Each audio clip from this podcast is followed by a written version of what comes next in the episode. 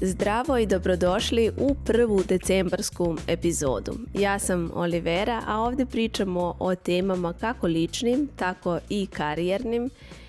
Javljam vam se iz Beča koji je pod snegom, napolju je ledeno, hladno, Danas je ceo dan bio sunčan i bilo je mnogo lepo provesti vreme u prirodi uprkos tome što je minus. A s obzirom da je decembar mesec nade, radosti, e, ciljeva, retrospektive introspektive, moj cilj je da celog decembra delim sadržaj na tu temu kako da na pravi način prajmujemo sebe za nadolazeću godinu. Pa je tako današnja epizoda na temu kako da u trenutku kad e, zacrtamo neki cilj, kad se entuzijastično obavežemo sebi i toj nekoj našoj odluci, na koji način da ostanemo dosledni u smislu želim da odgovorim na pitanje kako da od prepreka napravimo male strategije dolaska do tog cilja. Kad god zapišemo taj neki veliki cilj, nas počnu da preplavljuju emocije um, u smislu, um, na primjer, želimo da promenimo posao ili želimo da se ocelimo u neku drugu državu i onda u glavi kreće roj misli kako ću ovo, kako ću ono, pa da li ja to mogu, pa da li sam na to spremna i tako dalje. U ovoj epizodi želim da ti podelim krajnje praktične alate kojima ja sprečavam e, prepreke. Ne sprečavam da se dese jer one su neizbežne i one su glavne tačke našeg rasta – nego kako da ih e, preskočim sa jasnom strategijom kako to da uradim.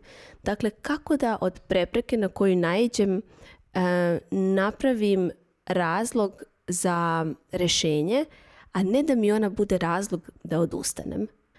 Ono što je ideja velikog cilja o kome svi puno pričaju i ja i tekako navijam za njih, a sad ću reći zašto – Cilj je da kroz proces dolaska do njega osmišljavanja koraka kako um, i šta treba da radimo, da upoznajemo sebe na nekom mnogo dubljem nivou, da upoznajemo e, svoje kapacitete, koliko zapravo možemo i to je uvek više nego što na prvu pretpostavljamo jer prosto naš potencijal je nepregledan i dokle god se malo ušuškavamo u, toj, u tom kontekstu u skromnosti, mi zapravo sebe lišavamo upoznavanja sebe. Veliki cilj je kao kad rešiš da otplivaš tamo negde iza neke stene i hvatate pomalo jeza, ne znaš koliko je duboko, Prosto strah te je, ali kad otplivaš i shvatiš da te je ta hrabrost i to suočavanje sa strahom odvelo do neke prelepe rajske plažice na kojoj nema nikoga, e, onda shvatiš koliko si osjetiš taj užitak kad se osloniš na sebe i kad ne poslušaš taj strah, već dozvoliš da ga primetiš kao znak da ti je do nečega zaista stalo. I takvi veliki ciljevi zvuče pomalo nemoguće iz nas zato upravo izlače te neke maštovite načine da hodamo kroz život, da se ne utopimo u isto, u monotono, u pravila koje su drugi kreirali i koje su ok za njih, rade za njihove živote, ali i ti imaš jedan život kao i ja, tako da hajde da kreiramo ciljeve po našoj meri i da biramo procese koji su prosto u skladu sa nama i našom prirodom. Prva mentalna prepreka koja se može desiti jeste da osetimo preplavljenost zato što nemamo preglednost nad svim tim neophodnim koracima koje treba da napravimo i ono što nas negde momentalno može umiriti i dati nam jasnoću jeste kad uzmemo i popišemo sve korake koje u tom trenutku znamo da su put do cilja. I o ovome sam više e, pričala u prethodnoj epizodi, baš konkretno o preplavljenosti, tako da ako više želiš da čuješ na tu temu, možeš da poslušaš pretposlednju epizodu, broj 21. Ono što nakon toga možeš da uradiš, nakon što popišeš te korake koje iz te tačke svesti i iskustva znaš da su neophodni jeste da popišeš um, e, u nekom logičnom redosledu sve korake od poslednjeg ka prvog. E, I to se u KBT-u zove lančanje koraka unazad i to lančanje ti pomaže da identifikuješ za svaki korak šta ti je potrebno od veština, znanja, prosto resursa poput vremena, možda pomoći ljudi koje imaš oko sebe, e, šta ti je sve potrebno da bi postigla taj cilj.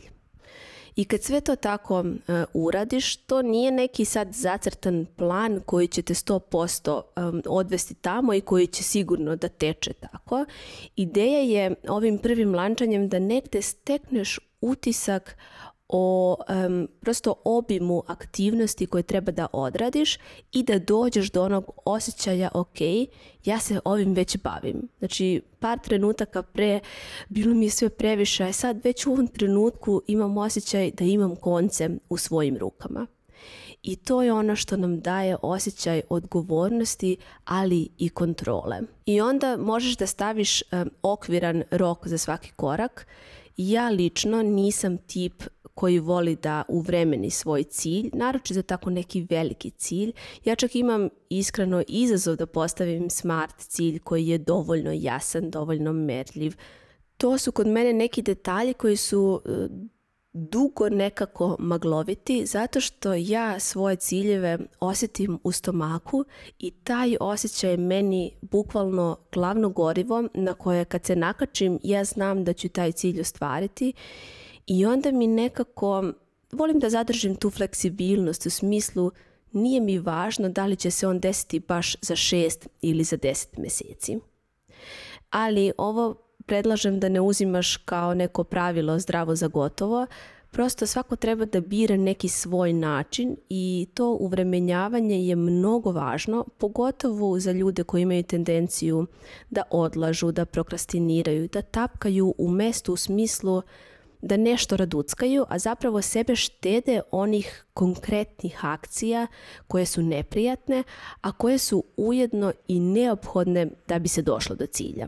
I zato kažem, jako je važno staviti u lični kontekst. Ja lično ne verujem ni u jedan alat da je sam po sebi um, obećavajući da će neki cilj da se um, sigurno, garantovano ostvari, već ga treba primeniti negde u skladu sa svojom prirodom, sa svojim načinom života, tako da ti alati zapravo rade za nas, a ne da mi živimo za te naše ciljeve, to jest za te alate koji nam samo služe kroz proces. Kad lančaš korake, uvidećeš gde su rupe, gde ti fali znanja, gde ti fali možda neka informacija, uvidećeš prostor gde je moguće da se e, pojavi neki izazov prosto zbog nedostatka nekog resursa. Naprimjer, možda e, si umetnica koja ima prelepe šolje, ali treba da radi na svojim prodajnim veštinama. Možda želiš da pređeš na neku drugačiju poziciju koja će od tebe da traži da zahteva da usavršiš stručno znanje engleskog. I sad dolazi taj ključni trenutak, a to je da šta god da je ta prepreka, da je, da je preformulišeš, to jest da je uokviriš u jasan cilj. Dakle, da izazov ne ostane na nivou, ja ne znam engleski, već da to bude upisati časove engleskog, usavršiti engleski, pronaći profesora engleskog, nešto što zvuči kao rešenje, kao odgovor na taj problem ili izazov, kome je kako draže da to imenuje, ali što bolje identifikuješ uh, tu prepreku, a potom i cilj kako da prevaziđeš, to ćeš sebi umnogome olakšati uh, sam proces do cilja. Jer što je više barijera kojih si svesna, to onda imaš više prostora da razvijaš plan koji će biti u skladu sa njima. Dakle, manja je verovatnoća da ćeš da idealizuješ put i proces, jer mi ljudi kad idealizujemo onda i odustajemo. A ako si svesna prepreka, ti bukvalno reaguješ strateški unapred na taj osjećaj koji ti se budi. Da li je to osjećaj straha, zbunjenosti, panike, jao i šta sad radim Ili je to možda glas unutrašnjeg kritičara koji će da brblja ti ovo ne možeš, vidiš da ne znaš, vidiš da je teško. Jer onda kad dođe taj ključni trenutak, imaš izazov, ti njega vidiš, ali si pripremljena jer imaš unapred pripremljen alat kako da ga prevaziđeš i ne razmišljaš o tome da odustaneš. I ono još što sam htela da kažem je da kad ovako detaljno sagledaš svoj put do cilja, ti onda zaroniš duboko u sebe i osvestiš šta sve znaš, šta sve možeš, koja sve iskustva već imaš koja ti mogu biti podrška. Na jednom mom primjeru skorašnjem, kad sam donela odluku da svoj biznis pokrenem online, moje najveće eh, uverenje u tom trenutku koje me je kočilo bilo je o vremenu. Radila sam poslednjih 7-8 godina unazad za druge firme i to je sistem koji broji sate, koji ceni sate i tebi čak i u ugovoru piše koliko si plaćena po satu. Dakle, ja nisam došla u Beč sa tim uverenjem. Moj rade, moja porodica na jedan potpuno drugačiji način, svi su privatnici, ali kad provedeš godine u takvom sistemu, to negde postane tvoje normalno. I kad sam postala mama, tad je Vasilije još uvek bio beba kad sam donela tu odluku o biznisu i ja sam shvatila da se sa takvim ograničavajućim uverenjem imam dve krajnosti kao rešenje. Prva je da gradim biznis radeći 8 sati dnevno, što nije bila opcija jer, znate već, pričala sam u prethodnim epizodama da ne živimo u Srbiji, ne živimo u Bosni, nemamo pomoć, e, nemamo kontinuiranu pomoć, imamo pomoć s vremena na vreme. U tom trenutku Vasilije je bio beba, još uvek ne ide u vrtić i tako dalje, da se ne vraćam na sve te informacije koje sam već pričala. A druga opcija je bila da ću se u januaru 2024. godine vratiti na stari posao. Što naravno nije bila opcija jer je, jer je u mom telu duboko, duboko, bukvalno u mojoj duši, u mojim grudima, u mom stomaku odzvanjala odluka i odzvanjao je taj scenario gde ja imam svoj biznis i gde ja više prosto ne radim za nekog drugog. I ja volim tako sebi kao detetu da nacrtam gde me vodi to neko uverenje koje trenutno imam i onda mozak pomisli, ok, ako ti se ne sviđa prvo rešenje, ne, ne sviđa ti se drugo rešenje, onda moramo da tražimo treće. A treće rešenje je bilo da promenim to uverenje. Dakle, da poverujem da je dovoljno da radim manje, nekim danima čak samo sat vremena, nekad nekoliko sati i da je čak moguće u svemu tome biti fleksibilan, jer ta fleksibilnost mi je kao novopečne mami bila veoma važna. I onda sam počela da učim da budem strpljiva kad moza kaže šta možeš da napraviš danas sa samo sat vremena, ja se ipak pojavim i dam sve od sebe u tih sat vremena.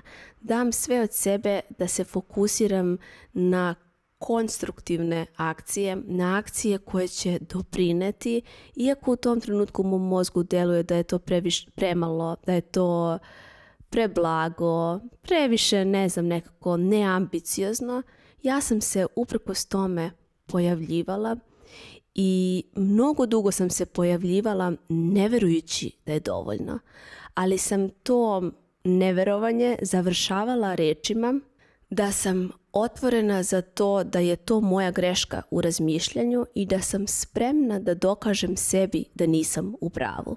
I upravo tako je nastao ovaj podcast kao rešenjem na moju prepreku, a to je bilo to uverenje o vremenu.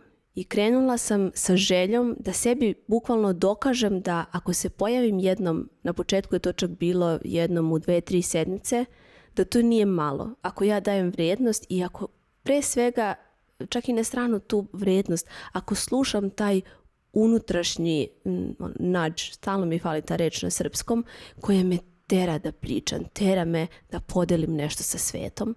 I upravo takvi koraci koji su rešenje za prepreke su oni koji nas najdalje katapultiraju. To su ujedno i najneprijatniji koraci, ali su i mnogo lakši kad se unapred pripremiš za njih. Naravno, ne možeš se za sve pripremiti. Nismo u stanju da predvidimo svaki korak i život je stvarno mnogo zanimljiviji kad ne možemo sve da predvidimo, ali za one prepreke i izazove koje možemo, mnogo veću šansu sebi stvaramo jer mozak voli da je pripremljen, voli da zna u šta se upušta i onda kad imaš strategiju mnogo važan deo si posla obavila time. Kad ovako radiš, jačaš svoju pouzdanost u sebe, to jest svoje samopouzdanje, kad se pojavljuješ svakog dana tim minimalnim koracima, ali mnogo važno onim koji su stvarno esencijalni za cilj. Ne kao da se pojaviš da nešto raduckaš da bi se zvalo da radiš za svoj cilj. Ne. Moraš da budeš realna i iskrena prema sebi. I kad ti se ne da, i kad misliš da je sve bez veze, pronađi neki svoj izvor trezvenosti, za takav trenutak. Kao što ja sebi u takvim trenucima e, govorim, tad sam govorila ok, otvorena sam za drugačije iskustvo, možda ga sad ne vidim, ali otvorena sam.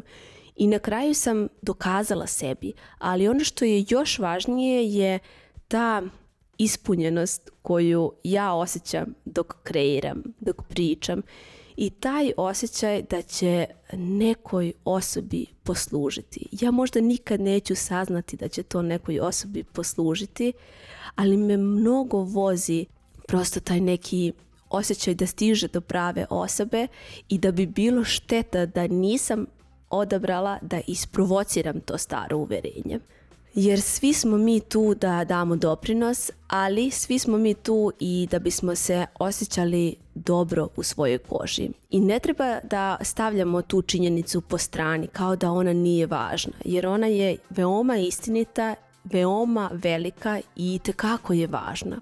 Tako da Postaraj se za sebe kroz svoje ciljeve koji će te radovati, koji će te basiti u neku potpuno novu životnu avanturu, jer istina je da mi svi krećemo zbog cilja, prosto moramo da imamo taj početnički motiv, ali kad stignemo na njega shvatimo da je proces bio onaj najsočniji deo na koji smo danas najponosniji.